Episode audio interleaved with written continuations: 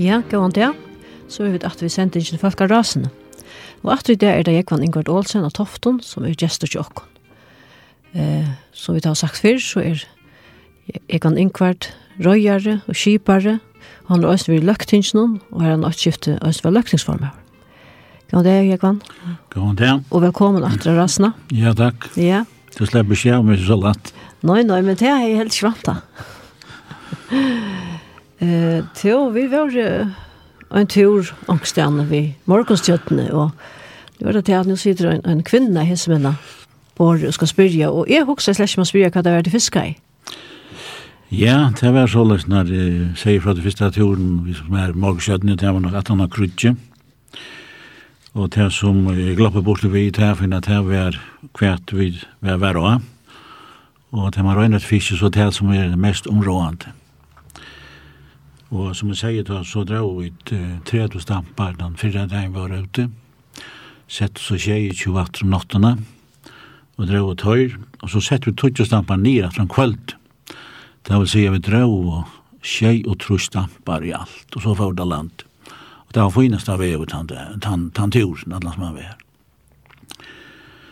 Og så landet vi avrøyde vi det, og det var vi i 22 000 punkt som er finga i tjejer til stampen. Och så, hvis man så dividerar till hur snägger på stampen så er det 400 pund på stampen. Så det här var gott fiskar i.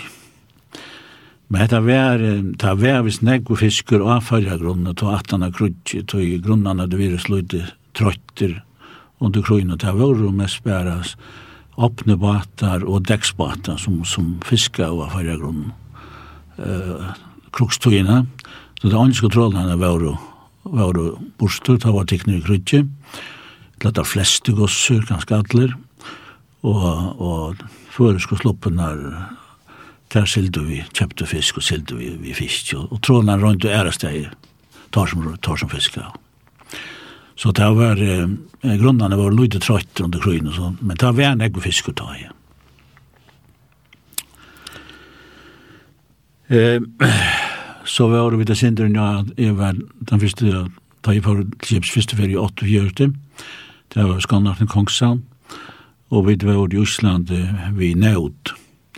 Så kom jeg også på hvordan det var vi nød ta, og hvordan det er i det tar som røyne vi nød. Og vi da ja, nekrar gauar nød av at det er førgjene det.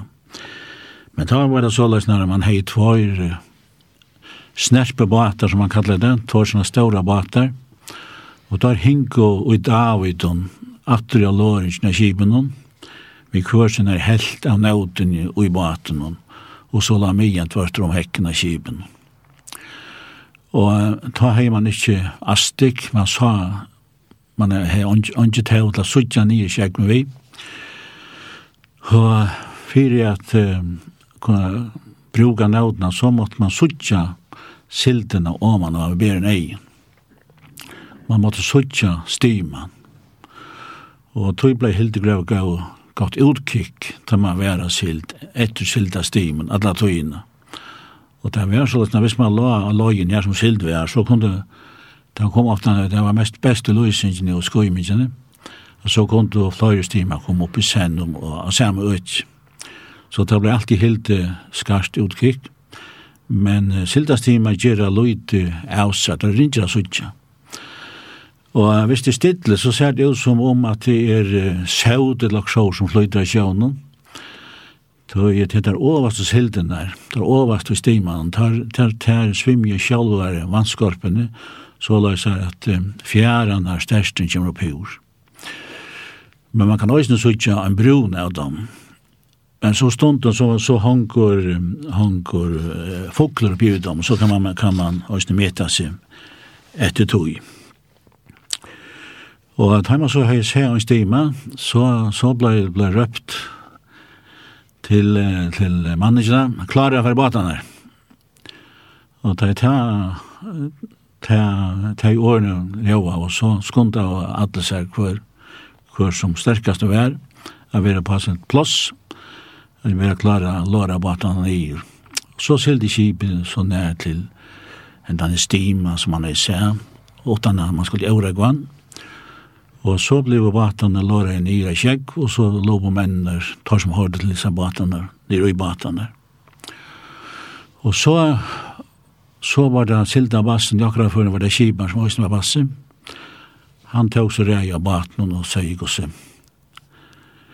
Gosse skulle det færa stedet, man hekte fisk batene sammen, så silde man til stimen, og så mette han om hvor han vi stimen gikk, og Gosse han skulle sette han ut, så løsner det etter bare til for fæta stimmen.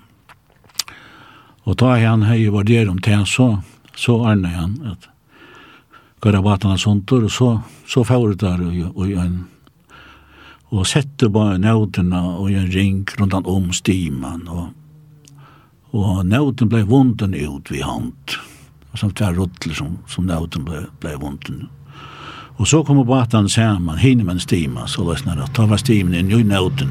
Det var så gosses atlan, det var ikke alltid det lukket, så kvart från han under og småget seg bort. Og så da båten kom sammen, så hekta man der sammen, og, og leie så snærspilløyna i en blokk som, som, som væra fram i grån av båten. Og så får man hala, det var hala vi hånd. har vi hånd, og løyna væra tovarsi, og Og så blev hala så nästan iver evner så kjøtt som han kom til. Fyrir at man ikke skulle missa stiman. Men eh, så kvar som det kom opp så ble det så tungt så klarer man ikke mer ved han. Så har man et lite spil ved en kopp ja, så leier man den koppen og så. Så vant man, det var også vi han man vant. Så var alltid en kapping om mittlen manningarna som var i korsen og bate. Då i mitt av løgnene var en svøvel. Mm Og det var kappast om å få svøvelen i søgnbåt. Det var som at du fikk først svøvelen i søgnbåt, da var det raskere, da var det, da var det der dre, raskere dreie. Og så snerper man eh, alle ringene opp, som man sier, og vær så, så Og tar det her var gjørst, så får man å dreie nøyden inn, og nå var dreie vi hånd inn i Göteborg. Sånn snerper båten. og det var kunde vara för strävja. Att det dreja noten in i maten vi hand. Och man skulle dreja så jämnt vis eh, och det var såna läsningar i näten som man kunde mia sig efter att, att dreja noterna bort in. Det var fara för att att de skrattade just man drog en en, en drog det för ojämt in. Og så drog man så langt som inn til silden som var i vær, lika som i en stor påsa som var lengt, lengt ned i kjegven. Og så la jeg kjip i etter til baten, og så hekta man flåtlen opp til kjip, og så hoa man opp hår, nødene. Alt det som var, som var i. Og var det så ikke godt ved, og så skulle man hiva baten opp atter i det og den her og, og så rødder. Men hvis det var godt vever, man skulle ligge samme sted, så ble det hongt til atter ut. Og stein for det, altså, nå, nå sitter der hytja og en astik, og suttja han i roiskjegven hva det er her, og tar då vel a skilja kinna av hva hva er silt og hva for silt om det makrel og forskjellsåret. Og så, så kastet det her, da kastet vi sjálven kipen henne, eh, kører bara bøye ut, og så, så renner eh, nøden ut. Og så da der bøye natter, og så snerper der til vi, vi, vi spiller nå, er, er snerper løgnet nå og veirer. Og der vi hiva vi, vi alle trusspølen inn. Og så i tar ringene så oppkomner så, så var nøden drien, og hon var drien vi kraftlotje. Og så tar jeg, tar jeg drien siltene när torra så släpper den här og ner og, i, och pumpa silten in. Och över en kib och driva norr igjen, så jeg var så i skruvor halta kiben och så. Så det är pura kvar sutt av vi ska silta och så som bara det. Så det er är en stor framgång ved och tar få oss nek møyre silt i det. En effektivare fiskarröj i det än det var jag tar. Så här är en stor framgång. Mm. Ja, og så råkner vi at månedene, da det kommer til fasilitetene som måneden, at boløkene som bor i Østene, stå, ja, ja, stå måneder tog. Det er så Østene som var fyrst, ja. Da Kongsland har jo noe hytt og, og et lugar. Og jeg vet ikke vi tar er en, en, en, en, en femte mannslugar, en råkner vi ta. Cirka det, ja. Ja, skal vi få høre en sang nå? Ja, det var sånn sånne gamle det er at jeg tar i torrfjord og søkt til kjeggvinn, særlig av den åpne baten, så platte og tørre sinja en sang som begynte det var at han skulle ta «Nå flyr jeg til din nåde», og um, han er uh, omsettet til, til uh, førest, og og i bøgen stendte han også, og i tvarmasanken, altså, det tror jeg var i øynene, og sånn også nek i øynene. Og det her gjør det der vi at mye om, om, om, om trygt og, og om sikning til vøyene og på haven. Det var en gau sier. Nå er det han sier, en bostelagter, i tog sammenhengen, men da bruker han en tar som færa til bjergar, om det er vi sier eller etter foglet, så det er ser oververst at, at, at det lov ut igjen. Jan Horst han sannsyn til parter av. Ja, og det er som du sier, han finnes det två i Eh, Uh, og i salmabørsene, det er um, salmeren som byrja såløs, er vil med noen herre prysa, og så gjerne er, så det tror trøy søgneste versen i østen i en salme fyrse. Og til Balken Salt, som hever tidsi det første verset i kvarjon, om man så kan sige. Og det skal vi ta her nå.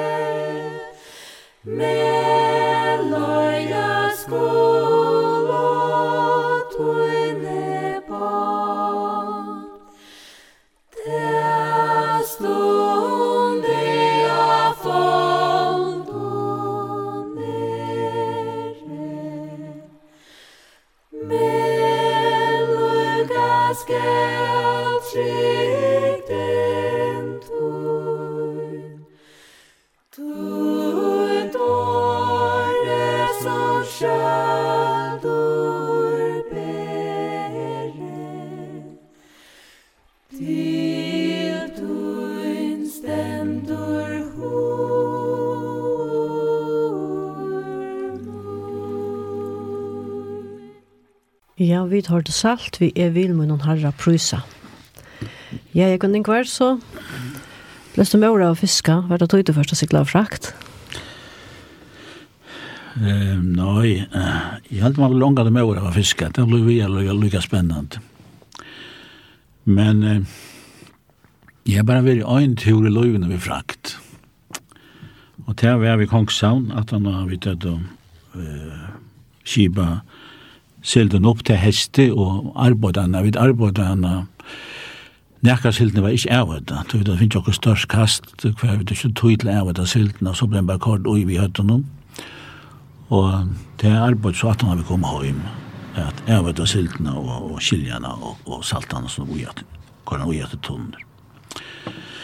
Men det var eh, først i 1924, vi minst av 3. januar, vi kongsam, og vi skulle en tur fra Førjen til Danmark, til København, og så atter.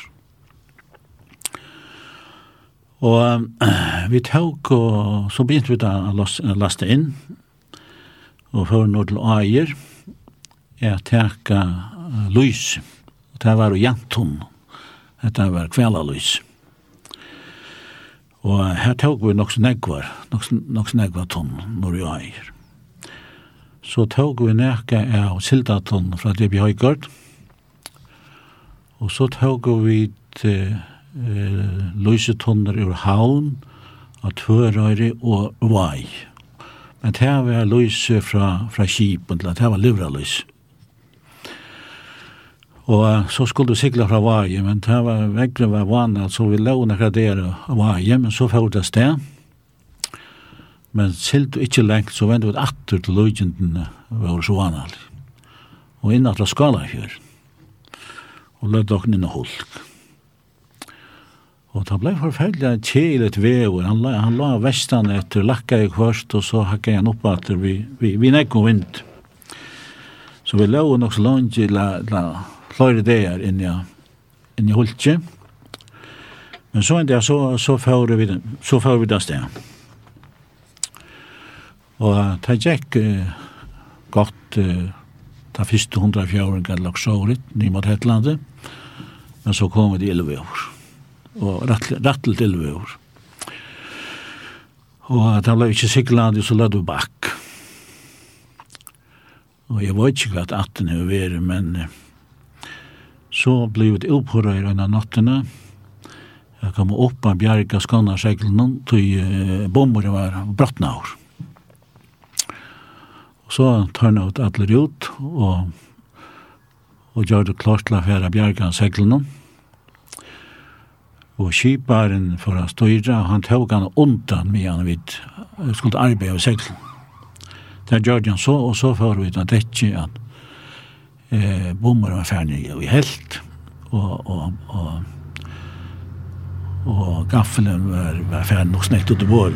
Men det Det gikk godt å få, få segl nye, og, og vi surret den jo så forsvarlig som vi kom til nye dette, og, og så var det faren atler atter i Sturus. Kongstan hei ta i Sturus som var holdt nere av dette noen her atter.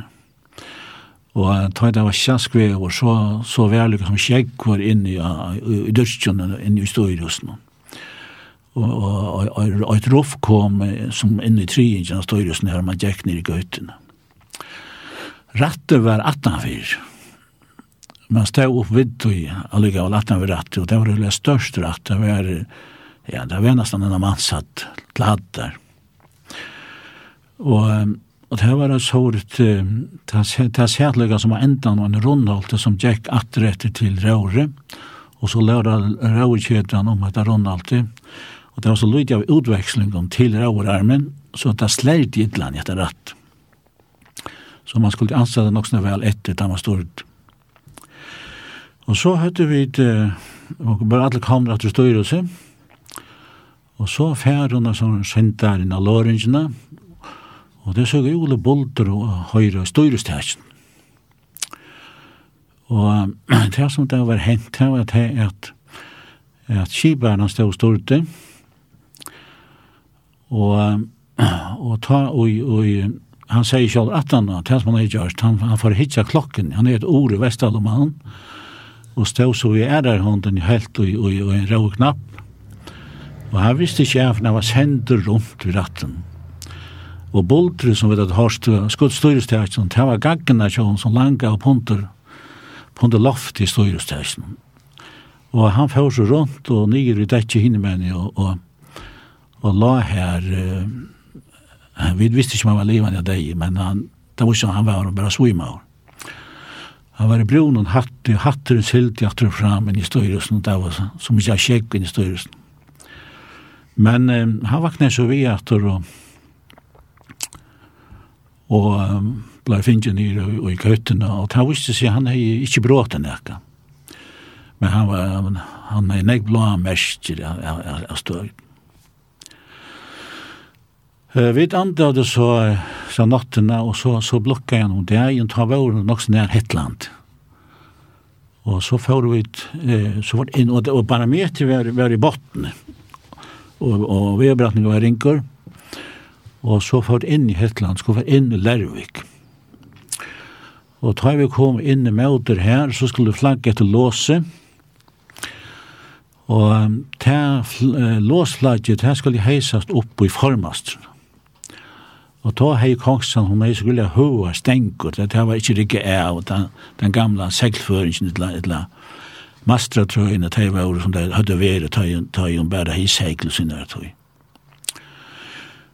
Og så ble jeg begynne for på mastrene jeg skjer en nutja loin ui. Men eh, ta var det blivet, blivet, blivet slagt. Og jeg først oppvisen endan, og det er ikke godt oppsjøkken vant det og etter å komme opp på Esløyte. Men fra Esløyte og oppe, oppe, oppe i fløyen av, av toppståndene, det var nok så lengt, og, og her var det bare, bare tvær veirar, en kvar i mennene som man kan halda seg og, og, og, og så, så bøynen i tvers om toppståndene. Så det var nok så tungt å komme fra Isløten og opp i fløysknappen. Jeg minns hva som jeg gjorde da jeg kom opp, men, men ja, eh, det gikk, og jeg fikk skåre løgnen og så nyretter. Så fikk vi flagget til Låse, og Låse kom bort, og, og så lade vi til Kai her inne i Lærvik. Og ta vi vidt høyte liene, ja, godt vel at det finnes jo bonte kjip i Ødlavel, ta brannan og var i ferdelig vinter. Ja, den var nåren etter. Og ta vekkren var nok så vøy om, det var òsne i fyrjen, Tøy og i Ronavik, her hendte det at en sambater som er et Estan, han var forresten fra Søltafir. Han la nåra for Pyren, og ta var om bor i vattnet, men det kom så kjøtt, og det var så eggvislutt, at hun slopp ikke fra og kiben, ta, ta, ta sakni vi her. Så, så knapplig kom det av vekk. Men ta var vi alt helt inni og i Vilervitsen. Og i tødda godt. Her lå så, jeg tror det er alltid la trutjar. Vi var trutjar, sa han, sånn unger, ja, han var yngre enn jeg, er, var sint eldre, dekkar, eller hva han nå kallar just, la matroser. Og så skulle han øyne, vi hadde vært sint land, og han vil se, uh, lever klær i en forretning, og han hadde kjøper sånn leverjakka. Men det, det åndiska, det var jo ikke akkurat sterka suja, Men så får vi til den handelen, kom så inn her, og så kom en ekspertise, spurte hva vi tenkte om.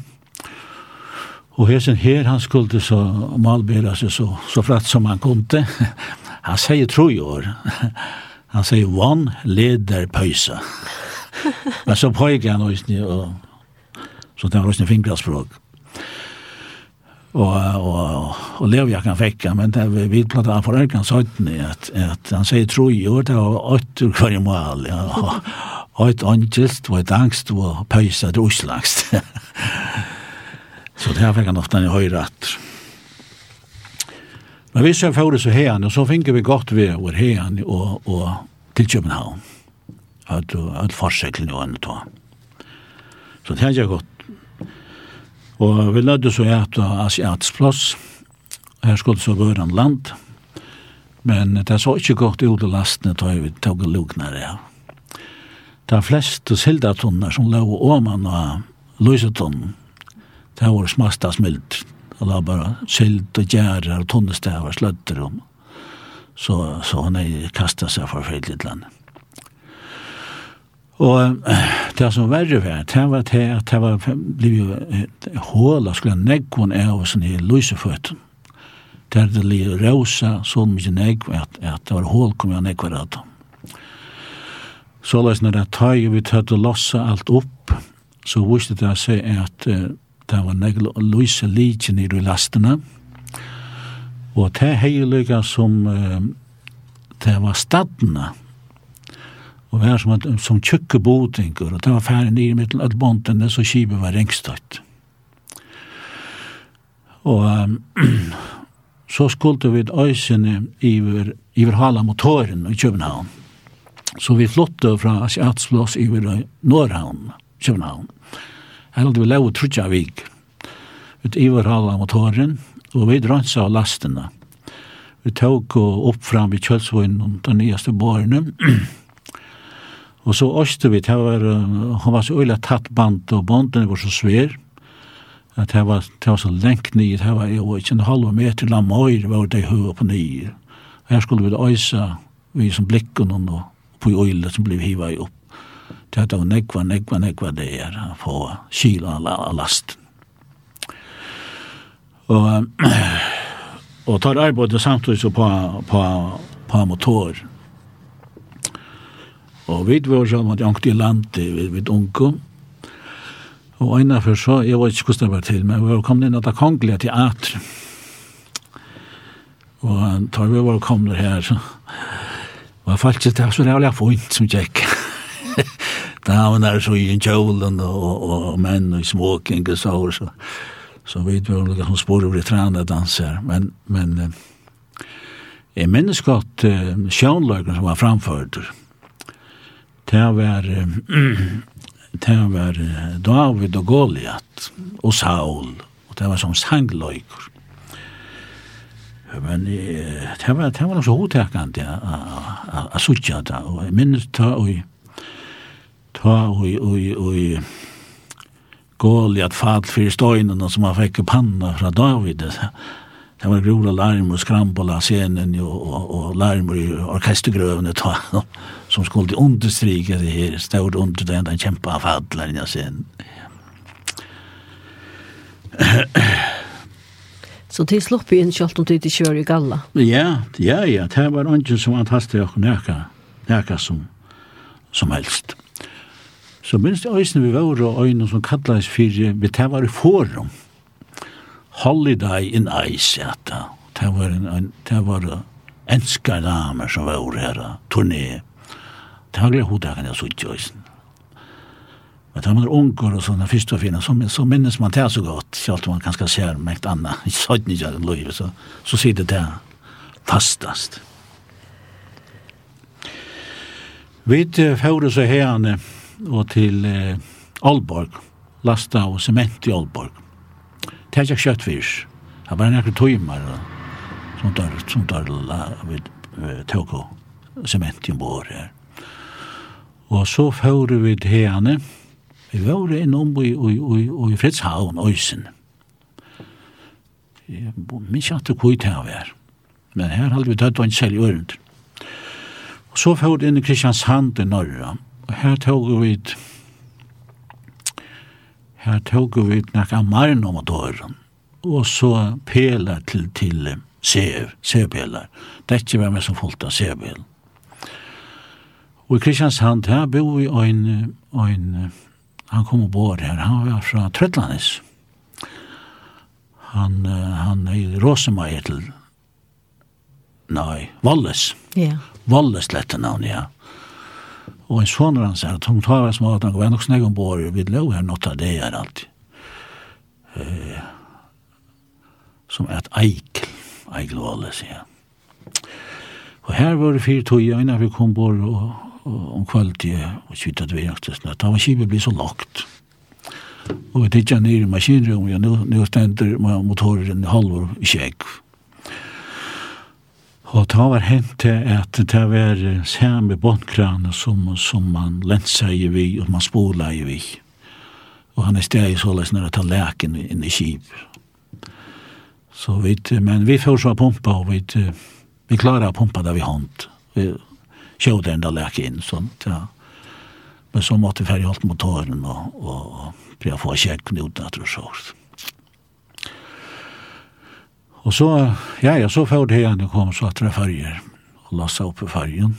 Men det var nekka kjekk vi kom i på den nyeste av, av av øren, ja. Så nekka som mente det enda i at den i hulken, så det, det var, det var brukligt. Og vi, jeg minst tre av at det er 19. mars.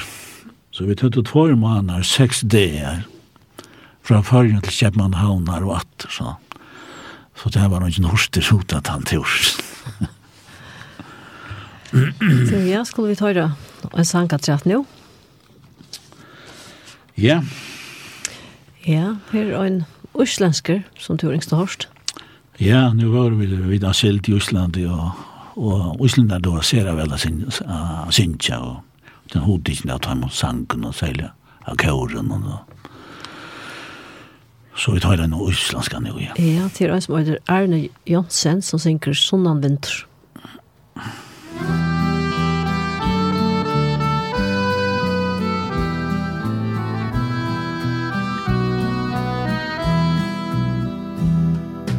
Úr öllum máttum blása vindar.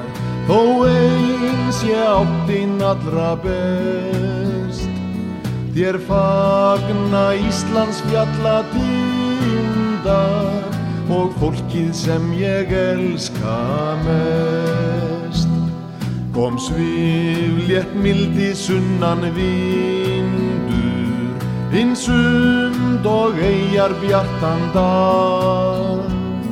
Du hjarta mínu brosið ditt bindur Svo blidlega við þitt sinns lag.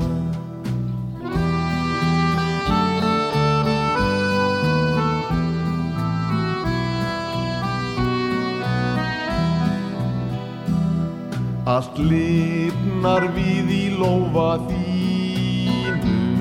og landið rís í byrt og ín Þú vindur fagnar vinum mínum og veist að landið finnur til. Lát sunnan vindan bóðskap bera að brattan skuli sækja á. Við fjallsins brún er frjálst að vera Og finna þína ást og þrá Við fjallsins brún er frjálst að vera Og finna þína ást og þrá Ja, vi tar til Erna Jonsen sin Jassunnan Vinter. Og jeg kvann eh, Kongshavn helt ikke frem og sikla frakt, og hvordan ikke ta? Nei, han, han gjør det da nok søyt nu, og ångte jeg synes jeg, og jeg visste hvordan ta en fjord, ta, ta jeg en høn eller frakt. Nå ja. ja. Men til jeg var søyten, tar jeg ikke vidt til bedre. Hva var tid så, da du kom hjemme? Vi, eh så ble Rikka til affære til Grønlands. Mm Og hon er jo, først han tog bare silt og frakt, og ta var bare nekka få akkort i ombord. Og så ble han rigga til ja, å færa silt, og ta ble jo var lugar just, vi, vi, som, som nøkta et hand tar vi til dem, altså som som var nok til te, vi skal røye. Men da nu skulle færa til Grønland, så bare, så var det alt for lute akkort. Og ta blei vi gjørst flere kodger her at trykka hytten, jeg var jo nok så sånn staur køme, så kipane i suttkammer og styrmerne og motorpasseren. Så ta blei gjørst der flere kodger inn i gossesøren her som styrmerne, styrmerne var, ja, det er også som er kimasteren var. Og um, jeg fikk øyne av tøyma kodgen som var her i styrmannskammeren. Og hun var gjørst av at han måtte at um, det var for lokk til å hava tverkodjer på akvarierare, men det var nok sånn plass atterrett, atter mot hekken. Og så løs når det ble først kjørt en kodje, vi, og, og så var en hitla, og så var en kodje innar. Og det ble kodjen som er, den innar av kodjen, så jeg måtte, hvis jeg hin lå i kodjen, så måtte jeg tvørte om han atter i minna kodjen. Og det som øysene vi er til, vi er at midt i kodgjene, her tjekka så uh, sverst øyjeband. Så det jeg skulle færa vi, og legge meg madrassina, så måtte jeg skjera størst skakken i madrassina for å få han i kodgjene. Og jeg lå ofte en løs nær at jeg, jeg hei et øygeband i fagningen. Men da var man så glæner og, og lilig at jeg tjekk fint, det var slett ikke det, men Da var ikke en som jeg da er Davos Inkemi, han la fremme for meg. Men han var så, og han er vaks som regel, men jeg måtte ansett ikke trakk på bjudsen og ta i for, da jeg skulle tørne ut. Vi får, så tog vi til utgjør inn, da skulle nek utgjør tekast, tekast inn, til en lenge, men man gjør det seg til en lenge tur, holdt til hester. Og med annet tog vi utgjør, ja, man tog olje først i tankene, og så tog vi nok snakk var olje og i født. Oljefødt, som tatt og vi i vår. Og det var kom jo til Jonas, og han har en fjorda sted. Og så var jeg ferdig sted, og jeg hadde vi tatt og gav i min slags til, at det gikk godt i vår, og vi kom i vår førengavne, og man så at det er veldig landet, og i stikker og forskjellig så som man ikke ser før og jaklene. Så. Og, og så får vi vite at køyreland, med annet kørte vi um, oljeføttene i land og i, i gamle føringhavn. De ble lossa og sleppte i kjekven, og så ble det sløyba inn i baten i fjørene, og um, det var ikke man så gjerne med at det var her fløyre og fjæra sånn ikke at gjøre det at tøyden var flau. Og så ruttla man det nyan fra, så det snar at det skulle ligge her uh, flau fru. Og så fører vi det herne, og selte sår etter, og selte sår til nære odjan som kallas vi hellefiskodjan her. Og det var et par kallføringar som hadde vært ved omkring skip av Ari 4, som hadde vært her. Det var olika som låser inn i middelen, skjer inn her i middelen tar åkken her. Og heller du så kjipe fri enkar. Og så var byrja fiske. Og det ble engt løgne som ble sett ved baten. Og så fører vi til utrøret. Og jeg var ved en bate som hei løgne. Det var fyra båtar og trutje for vi løgn og en for vi, vi snør. Og så setter vi stampene her. Jeg har tatt eh, bare mittelodgjene her. Og så var det dreie at her var fisken nesten kvøyen jatt. Og, og tøy vi så hadde dreie at det så får det båre. Og alle båtene hadde fisken ikke. Men han som hei snør, han hei, han hei ikke, ikke fisken minst. Og Han er også finnes holdt nek av fisk. Så at uh, det ble ikke engt atre på løgnene. Det var takk sånn, det var snakk arbeid i tog. Da det var ferdig steg etter, så får alle, alle i snør. Og her var, var her var rettelig en ekve fisker av henne. Så det var, det var, det var stolt av fiske her. Eh, Og um, i halvtiden av første dagen var det var leia der. Og så fører vi ut uh, måned morgenen, og vi skal ikke det. Og jeg stod frem i, frem i skot, og snøret flaktest, i halte det i heiebørnen, den 15 fauna som var grøyt, så, så var hit alt en fløtje. Men, men det var sånne fiskur, ja, det var, det var ivaldes at dreja bare om av fløtjen, altså. jeg rekte ikke, ikke fløsjen opp at for en vika var ut, for en sånne dagen etter. Og vi lå her i trutja viker, og da hadde vi finnet tusen fiskar. Og vi har vi lå her, det var først og fyrir jeg sa, sa en, en grønlanding. Det var en dag at det var mjørkje, knapplig å komme ut i mjørske om tver kajakker og det var også med av kvarjar. Og annar er eina pui på munnen, og, og, og pui på det var kvitt, jeg minnes. Og det var rikka her vi her harponen og, og tjeveren, og det var tar vi å a jakt, altså, et, etter kjøpil og så. Søytene så, så kom og slag grønlender som kibel, og, og og mitt landa konebatarøysene, ja, som, ja, som koner røv. Og Og jeg minnes en dag så sitter en, en kone, og sitter at det, at det skal ut i sin konebaten. Og så fyrir nu i sånn øyla som, som som la være ved søgne av henne. Hon tekra pikkel ut i smabaten og puresen ned. Det var så skinn for kjell kjellsår, høyt og juli. Og, og sette seg her, det var nok så kaldt, og fruske vinter. Sette seg, jeg var det brøst her at det skulle ut, som bare Og ta i det her i så en gaua løt, og fyrst anna så hitt, så tog hun bare og, og slepte den i uja, så det lette ikke ui som baden, altså. Det, det, det var nok nok så ja, hør vilkår, altså. Men så lest gjør det, og, og så tar seg kveld det kom, så drev det balkonbaten på på land, og en, en, her som det var nøkkelen det slatt, så holdt det der, og så spør det under, under, under, det var det første som jeg, som jeg opplevde den grønlandske befolkningen på. Men det har vi da li her, tror jeg vi ikke så har han i klei åkken, så ble vi kommet over veldig kibet til åkken og, og sier vi at det ikke løye litt her. Og, så, så får vi et eh, hiva venkar opp og, og til her. Så får vi norrett og Og vi fiska og så her når som da kallar Norge Døybo, noen strengfjær grunnen. Og så ein der så, så i vet ikke om det var leia kvöld. Det var sindra, sindra vind, ikke, ikke holdt godt vi, men ikke nek elve over helt. Så skulle vi her inn i havn som kallas vi Anders Olsensund.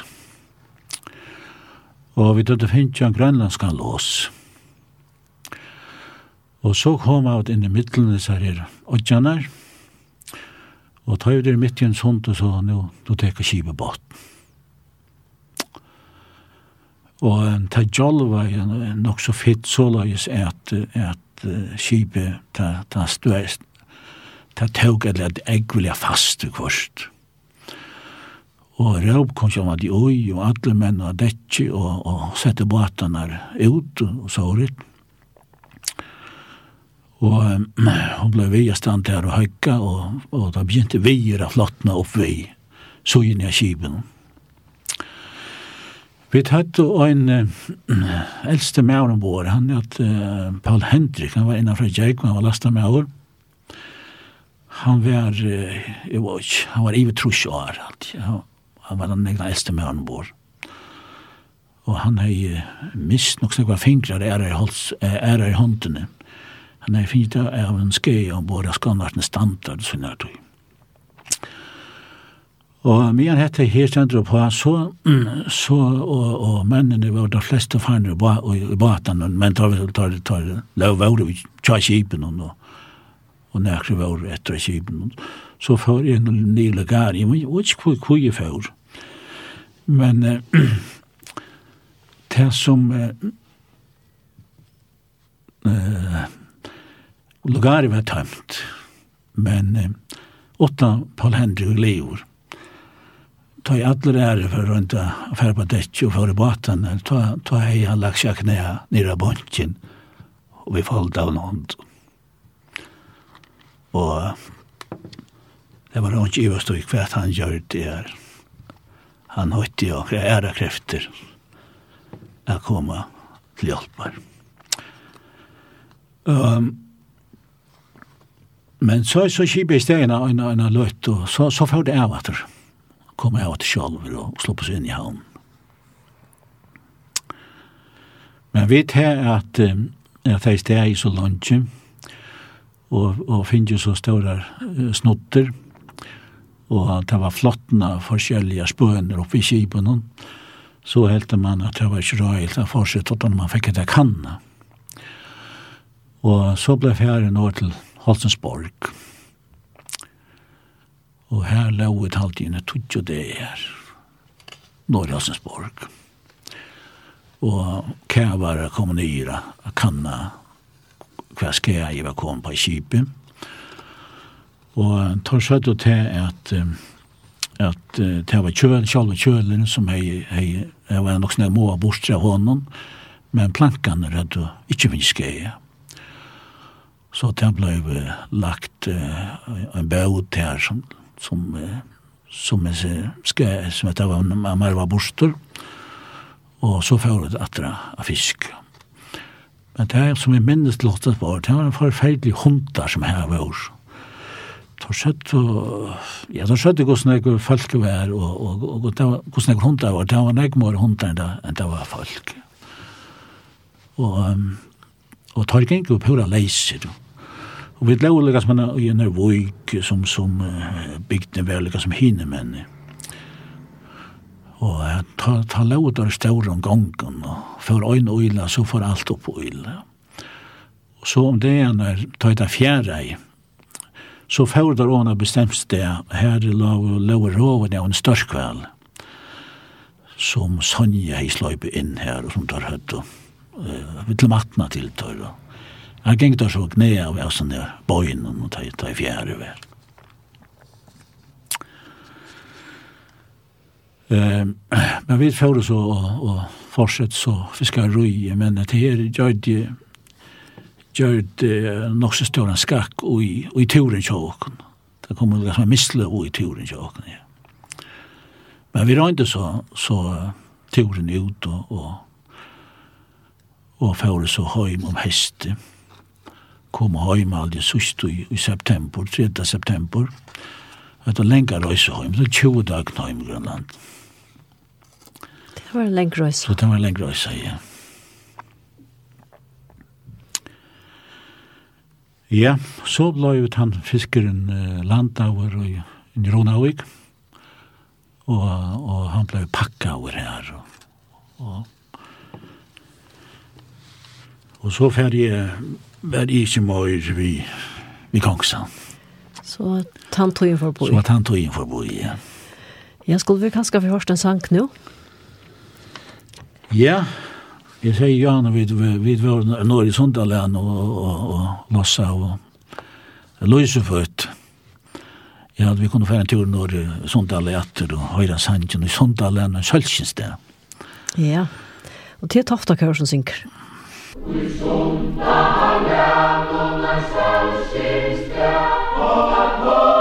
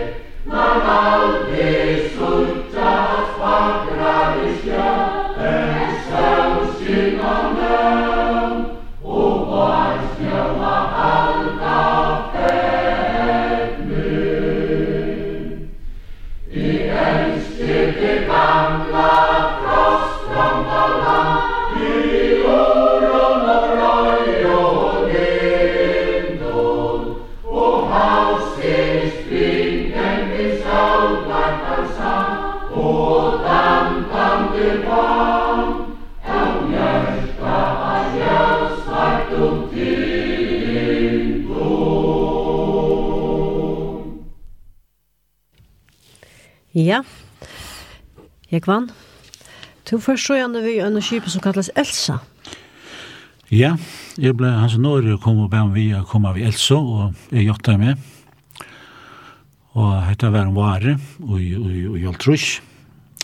Og vi får i Vrasoland, vi lå inn og saltfisk. Og til at høyene var og nekva slopper av Solanden, og vi platt av er inne og i Kjøpla og i Rekka og i etter, etter Agnes og snar av og til, etter, etter vi hov. Og hvis det var en sånn det, ja, da han plantet av denne vera, så var det nekvar slupper som røyndi vi snøri, i høysen inn, særlig, særlig rettja, og han kunne holdt nekvar slupper litt, ja. Og jeg hadde rettja og kinka at har hatt han lika som eh, brukte sånne den til affæren, spasere til om han i havnen, og så ikke særlig føresk og sluppene, og føringene som var her. Men vi fiskar så av Solanden, og i Faksa bukten, og kanskje oppe på Gjøkjelen, og i enda av turen og i Medlandsbukten. Da hadde vi finnet oppe på Kjip. Og den sørste turen, den sørste seten, da fikk vi nekva en kalv, men vi tog en ekka høy med at vi er inne, men jeg hadde ikke derfor, jeg var, jeg var ikke atrum, og fikk en ekka fyr, jeg hadde ikke. Men det var nekva kalv, ja, den sørste turen, sørste fjerne av drøv i Medlandsbukten. Det er dårlig fisker det? Det er dårlig fisk det, ja. Og um, så ble jeg rikket til å fære til Grønlands. Og landet av fisken hadde jeg høyebolle. Og så fører vi til, til Grønlands. Og um, det gikk godt å sykle i vår. Og og vi tatt og trutja seter og vi får inn. Det var nekve fiskur. Aldri vi finke 5.000 fisk. Det tatt halde man alt anna fiskane. Det gjemmer noe langt. 5.000 fisk alt anna fyrsta deg. Og ta ut at rundt og trutja deg her, ta for inn og lett og lett og ta opp som det finnes. Det ble så tranglet til lastene. Vi hadde vært inn i Íslandi etter Agne, og Agne la og især hos og forskjellige steds i lasten, så det ble så tranglet arbeid. Så vi var der inne og lødde til å bære bare, bare på hedlene her, og, og, i gamle føringene, og badlet inn i, i, i, i, i, i hessene og selvtog. Og så fører vi til udratra, udratra fisk. Ja, men det var jeg som tog med tjokken færen. Ja. Så at, hva sier du? Kjem du 18 neste torsdag? Ja, det må jeg helt røyne på, på Få det på ett avmar, ja. Ja, nemlig, ja. Det sier vi men du har yngst hörst en sangaträtt. Ja, det er det at nå långas vi et lätt år og, og, og och nu har vi akkurat haft en kæva, men i det är luttjare vävor og, og, og bövne kom undan at det kæva, og så i halvtid vi skulle höjda bara över luttjare vinter, det är öskande. Mm til årstøyene og til det ene det. Ja, og det er Seidjan Sankar og Klaksuk som synes han, men er det så skulle vi sige at dette var sendt ikke folk av rasene, og gestet ikke åkken det var Jekvann Ingvard Olsen og Tofton, og dette var tria sendt inn ikke åkken på henne. Og så er bare etter å si takk for det, og i utvarstående Jonas Iversen, tekniker i Ronny Petersson. Farvel.